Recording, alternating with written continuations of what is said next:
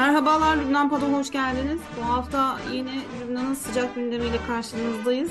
Konuğumuz İdris Bey. İdris Bey kendisi güneyden henüz geldi. Bize en taze haberleri iletecek.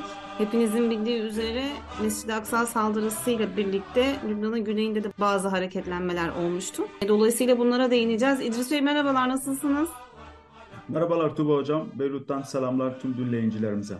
Peki isterseniz başlayalım. Güneyde neler yaşandı? Ülkenin güneyinden İsrail tarafına fırlatılan füzelerle birlikte bir hareketlenme oldu. Nelere şahit oldunuz? Bize anlatabilir misiniz? Hocam sizin de konuşmanızın en başında belirttiği gibi İsrail ordusunun ya da İsrail güçlerinin Mescid-i Aksa özellikle Ramazan ayının başından itibaren çok ciddi e, saldırıları ve müdahaleleri oldu.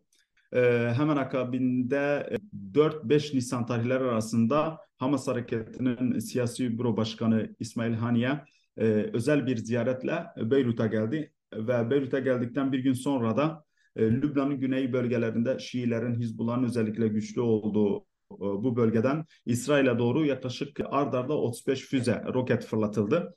Buna cevap olarak da İsrail e, topçu birliklerle Lübnan'ın bazı e, güney bölgelerini vurdu ancak her iki e, saldırıda da herhangi bir can kaybı yaşanmadı. Ardından Netanyahu kabine toplantısı yaptıktan sonra 7 e, Nisan'ın gecesinde İsrail jetleri Lübnan'ın yine Filistin mülteci kamplarının olduğu bölgeye yakın bazı noktaları hedef aldı. 4,5 saat gece 4,5 sularında e, bir saldırı gerçekleşti. Biz de tabii gerginliğin ve tansiyonun yükseldiği saatlerden itibaren e, güney bölgesindeydik. İsrail ordusu özellikle tarım arazilerini, insan nüfusunun ya da insanların yaşamadığı e, bölgeleri özellikle hedef aldı. Burada sadece maddi hasar e, meydana geldi hmm, muz tarlalarının içerisinde, seraların içerisinde bulunan bir köprü yıkılmıştı. Onun dışında ciddi bir e, maddi hasar da yoktu. Şurada önemli olan husus Hizbullah da İsrail tarafı da birbirini direkt suçlamadı. Burada suçlu gösterilen Hamas hareketi oldu. Netanyahu da açıklamasında direkt Hizbullah hedef almadı. Hizbullah da İsrail'e karşı Mescid-i Aksa ile dayanışma göstermek için e, olaylardan önce yayınladığı yazılı açıklamasında e, Mescid-i Aksa'nın yanında olduklarını, tüm Filistinli grupların yanında olduklarını e, dile getirmişti. E, bu yüzden bu iki e, açıklamalara bakıldığı zaman her iki tarafın da biraz daha sınırlı bir şekilde birbirini suçlamadan karşılıklı bir dövüş içerisinde olduklarını fark ettik. Ancak burada önceki yıllara e, nazaran e, Lübnan hükümetinin yani ülkenin güneyinden ya da ülkenin topraklarından başka bir ülkeye saldırmasını kınaması oldu. Normalde daha önce İsrail'e baskı uygulanması için uluslararası topluma çağrıda bulunuyoruz. İsrail'in saldırılarını kınıyoruz deniliyordu. Ancak Lübnan Başbakanı ki geçici bir başbakan Necip Mikati e, olaylara ilişkin e, hükümetinin tepkisini e, açık bir şekilde dile getirdi. Burada ülkenin güneyinden İsrail'e füzeler ya da roketleri fırlatan kişilerin yakalanması için Birleşmiş Milletler geçici barış gücü ile ortak bir soruşturma açtıklarını, faillerini yakalayacaklarını ve toprakları üzerinden başka bir ülkeye saldırı yapmasını da şiddetle kınadığını belirtti. O yüzden e, Lübnan hükümetinin e, bu konudaki e, tavrı e, önceki saldırıla ilişkin yaklaşımında bir değişimin e, yaşandığını gösterdi. Bunun üzerine İsmail Heniye e, herhangi bir e, cuma namazından sonra Beyrut'taki en büyük Filistin kampı olan Buç Barajı'na da bir e, basın toplantısını düzenleyecekti. Ancak bu basın toplantısı gerçekleşmedi. Ve Heniye e, hızlı bir şekilde Lübnan'dan çıktığı ya da Lübnan'ı terk ettiği iddia edildi. Ee, ve bu bununla ilişkin herhangi bir açıklamada gelmedi. Bu bağlamda bakıldığı zaman Lübnan hükümetinin özellikle e, ekonomik olarak çok zor bir süreçten geçtiği dönemde ülkenin güneyinde İsrail'le bir gerginlik kendisi kesinlikle istemediği, Hizbullah'ın da bu konuda sınırlı bir şekilde hareket ettiği e, İsrail'in de böyle bir savaşı istemediği ortaya çıktı. E, önemli bir husus da bu, bu, bu tespitte nasıl vardı? Birleşmiş Milletler Barış Gücü bir yazılı açıklama yayınladı. Her iki tarafla da Lübnan'la da İsrail tarafıyla da temas halinde olduklarını, ülkenin e, yetkililerinin bir savaş istemediklerini altını çizdi bu açıklamada. O yüzden e, biraz daha Mescid-i Aksa ile dayanışmayı göstermek, Hamas'ın da sahada elini güçlendirmek, biz buradayız mesajı vermek için Hizbullah'ın onayıyla kesinlikle e, İsrail'e yönelik boş bölgelere ya da arazilere roketler fırlatıldı. Tabii bazı e, yerleşim bölgeleri zarar gördü. Ancak herhangi bir can kaybı yaşanmadı. Şimdi burada bazı noktalar var. En sonuncusundan başlayayım. En son vurgunuzdan başlayayım daha doğrusu. Hizbullah'ın onayıyla kesinlikle dediniz. Çünkü mülteci kamplarından e, İsrail'e fırlatılan roketlerde genelde işte Hizbullah'ın çok sorumluluğu yoktur minimumda açıklamalar çıkıyor. E, kaldı ki bölgede aslında uçan kuştan Hizbullah'ın haberi var hepimizin bildiği üzere ama tabii burada bir sorumluluk kabul edilmiyor. Bir diğer mevzu ise üzerinde hassasiyetle durduğunuz yumuşak politika. Yani biraz daha soft bir politikanın yürütüldüğü bu süreçte. Hiçbir şekilde İsrail'e karşı söylemsel olarak şiddeti içeren e, bir ifade bulunmadı Lübnan hükümetinde. Aksine İsrail'le işbirliği yapılmasına yönelik e, sanki böyle bir niyet yok ama yine de böyle bir hazırlık varmış gibi e, böyle açıklamalar yapıldı. O da işte güneydeki atılan, güneyden atılan roketlerin sorumlularına dair Birleşmiş Milletler'le ortak çalışma yürütüleceğine dair açıklamalar yapıldı. Bu noktada her iki taraftan da İsrail tarafından da Hizbullah'a yönelik sözlü bir saldırı olmaması bölgede şu an mevcut durumda da malumunuz işte esen bir olumlu hava var. Müzakerelerden dolayı oluşan bir e, yumuşak bir hava var. E, yakın zamanda da İsrail ve Lübnan arasında bir deniz sınırı anlaşması oldu. Dolayısıyla bu son işgalle birlikte aslında bu tarz çatışmaların e, öne çıkmasını ve tarafların birbirine saldırmasını İsrail de istemiyor. Hizbullah da istemiyor. Ama başka bir noktaya da ben dikkat çekmek istiyorum. 2021'deki işgal süresince mesela Nasrallah hiç görünmemişti ortada. Tek bir kelime dahi etmemişti. E, ama bu burada e, bu saldırıda tabii bu saldırı da çok uzun da sürmedi. E, ancak yine de Nasrallah'ın Mescid-i Aksa e, direnişini ifade eden sizin de söylediğiniz gibi bazı açıklamalar oldu ilginç. Ve son bir şeyde can kaybı yok demiştiniz değil mi? Doğrudur hocam. Herhangi bir can kaybı yaşanmadı. Evet biraz daha böyle aslında hani saldırıya cevap veriyoruz ama boş e, arazilere atıyoruz gibi bir e, eylemi oldu İsrail'in. Sınırda hareketlilik zannedersem durdu. Daha şu an stabil ilerliyor. Sakinleşti ortam diye düşünüyorum. O yüzden Lübnan'ın başka bir sorununa değinmek istiyorum. Yeni kronik sorunundan bahsedelim isterseniz. Seçilemeyen Cumhurbaşkanı. Ekim ayının sonuydu. Michel Aoun görevine bıraktı. Şimdi ilk dönemlerde bildiğimiz üzere, hepimizin bildiği üzere e, başka başka adaylar öne çıkmıştı. Michel Muavat gibi. Ama şu an tek bir isim üzerinde yoğunlaştı Lübnan siyaseti. Süleyman Franciye. Nedir Süleyman Franciye'nin mevcut politikası ve Cumhurbaşkanlığı için e, iç ve dış destek arayışı? Bir de ona değinelim isterseniz. Sizin de bahsettiğiniz gibi ülkede 31 e, Ekim 2022'de 13. Cumhurbaşkanı olan Michel Aoun'un görev süresi dolmuştu meclis çatısı altında Hristiyan olma şartı bulunan e, 14. Cumhurbaşkanı seçilmesi için 11 defa mecliste oturum düzenlendi. Ancak hiçbir aday e, %50 artı biri elde edemedi. E, son olarak Şubat ayında Hizbullah ve e, onun müttefiği olan Şii Emel Hareketi seçim yarışmasındaki adaylarının İran ve Suriye'deki Esed rejime de yakınlığıyla bilinen Hristiyan e, Marada hareketi lideri e, Süleyman Frenci olduğunu ve başka bir adaylarının da olmayacağını altını çizdi. Süleyman Frenci'nin her iki Şii grubunun e, adayı olarak sahaya inmesi bu konuda bazı iç ve dış temasların artmasına vesile oldu. En önemli gelişmelerden bir tanesi ise ülkede İran gibi kısmen de olsa nüfusu bulunan Fransa. Süleyman Franci'ye Fransızları ikna etmek ve Fransa üzerinden ülkedeki siyasi partilerde destek almak için Paris'te Fransa Cumhurbaşkanı Emmanuel Macron'un Orta Doğu temsilcisi e, Patrick Dorel ile bir görüşme gerçekleştirdi.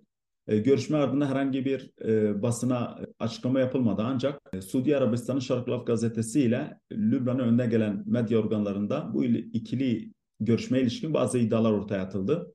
Bu iddialardan önemlisi ise Paris'in kendisine herhangi bir veto e, durumunun olmadığını, aday olabilme durumuna da yeşil ışık yaktıklarını ancak bunun karşısında özellikle Hizbullah'tan yeni kurulacak hükümet konusunda bazı taahhütler istediklerini yazdılar. Haberlerde Paris'in eğer Franciye Cumhurbaşkanı olması halinde Başbakanın ise e, yine Fransa'ya yakınlığıyla bilen Sünni Lübnanlı diplomat e, Nevaf Sallam'ın da başbakan olması ve kesinlikle Hizbullah'ın özellikle kendisine herhangi bir veto vermemesi, seçilmesi hususunda da destek sağlamasını istediği Fransa'nın böyle bir şart koyduğu e, dile getiriliyor. Diğer önemli bir şart ise IMF ile yeni kurulacak hükümetin kesinlikle e, müzakere içerisine girmesi ve ekonomik kriz konusunda da e, hükümetin elini taşın altına atması şartı bulunuyor. Daha sonra Süleyman Frenç'in ülke dönmesinden sonra ilk görüştüğü taraf e, Hizbullah oldu. Bu konuda herhangi bir açıklama gelmese de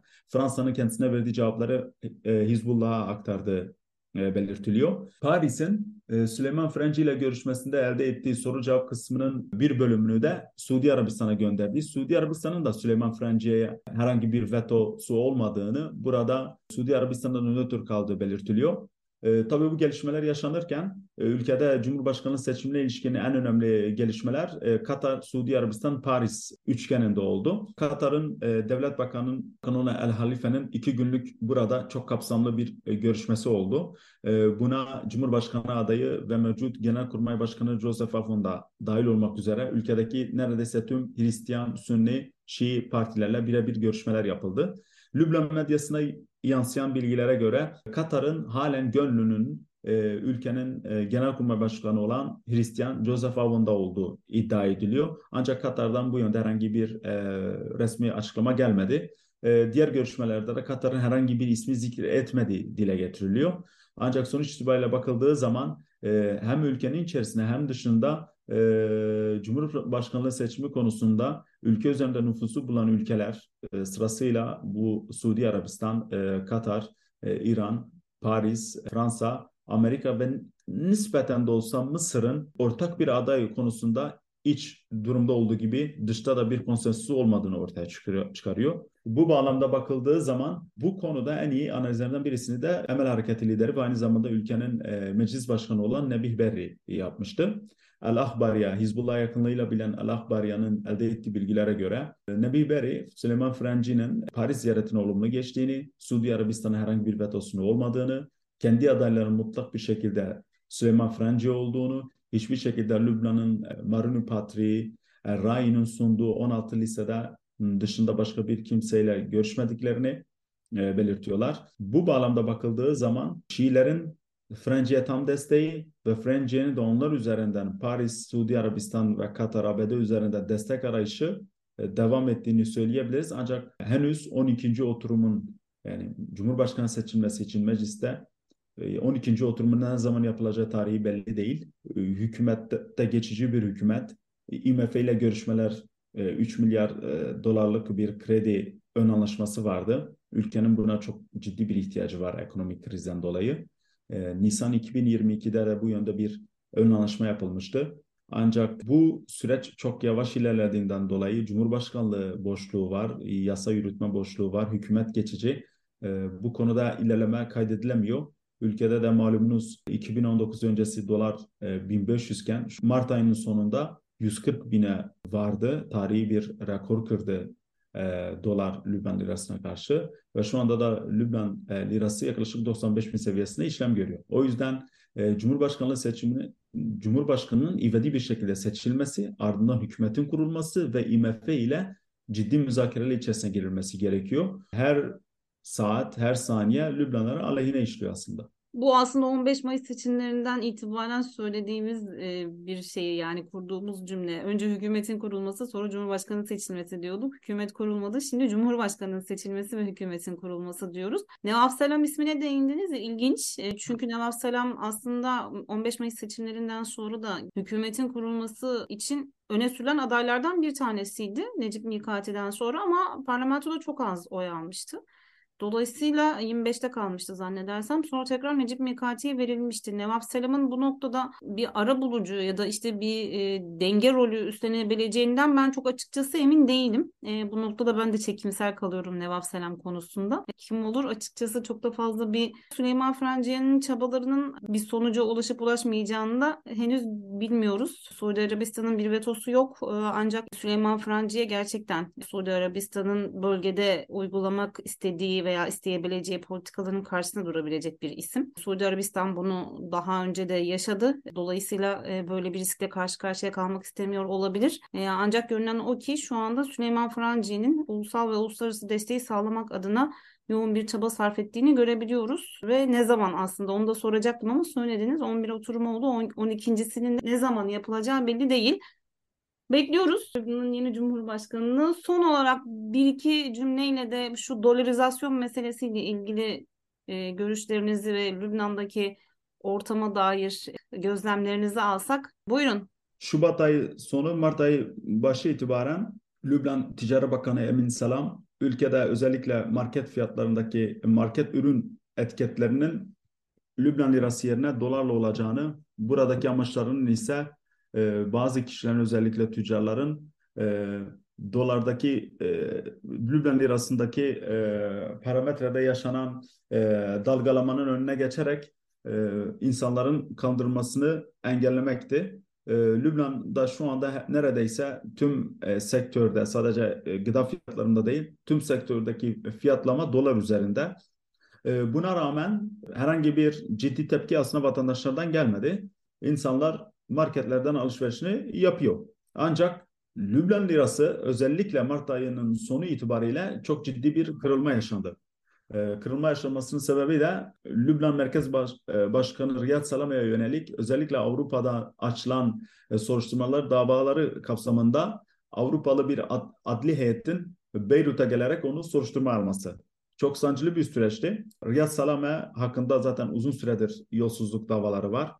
Kendisi 30 yıllık Lübnan Merkez Bankası'nın başkanı. Bu görevi de Mayıs ayı itibariyle bitiyor ve görev süresinin uzatılmasını istemediğini söyledi. Büyük ihtimalle dokunulmazlığı olduğundan dolayı şu anda kendisine dokunulmuyor. Ancak Mayıs sonrası Merkez Bankası Başkanı'nın durumu ne olacağı belirsiz. Merkez Bankası'nda dolara e, rezervleri eriyor. Çünkü sürekli bir şekilde Lübnan lirasının dolara karşı güçlendirilmesi ya da doların ateşini söndürülmesi için piyasaya sürekli e, dolar sürülüp bozduruluyor. Ancak Lübnan'ın da döviz rezervleri malumunuz gittikçe düşüyor. IMF'nin de en önemli e, şartlarından bir tanesi de hükümetin artık Merkez Bankası'ndan borçlanmaması. Ve ivedi bir şekilde kendi banka sisteminde reform yapıp bizden kredi alması. Ancak IMF'ye göre Lübnan kendilerini dinlemiyor, tavsiyelerini dinlemiyor. Merkez Bankası'na sürekli bir şekilde para borcu ediyor ve bu da ülkedeki döviz rezervlerinin ciddi bir şekilde azalmasına neden oluyor. Bu bağlamda bakıldığınız zaman ekonomik krizden çıkmanın tek yolu IMF ile anlaşmak. Çünkü ülkenin başka bir geliri yok. Her ne kadar e, Total ve Katar şirketleri ülkenin güneyindeki deniz sahaları, petrol ve gaz sahalarında arama çalışmaları yapsa da henüz böyle bir e, kaynağa ulaşamadılar ve bu kaynakta bu e, ekonomik e, katkı olarak ülkeye geri dönmedi.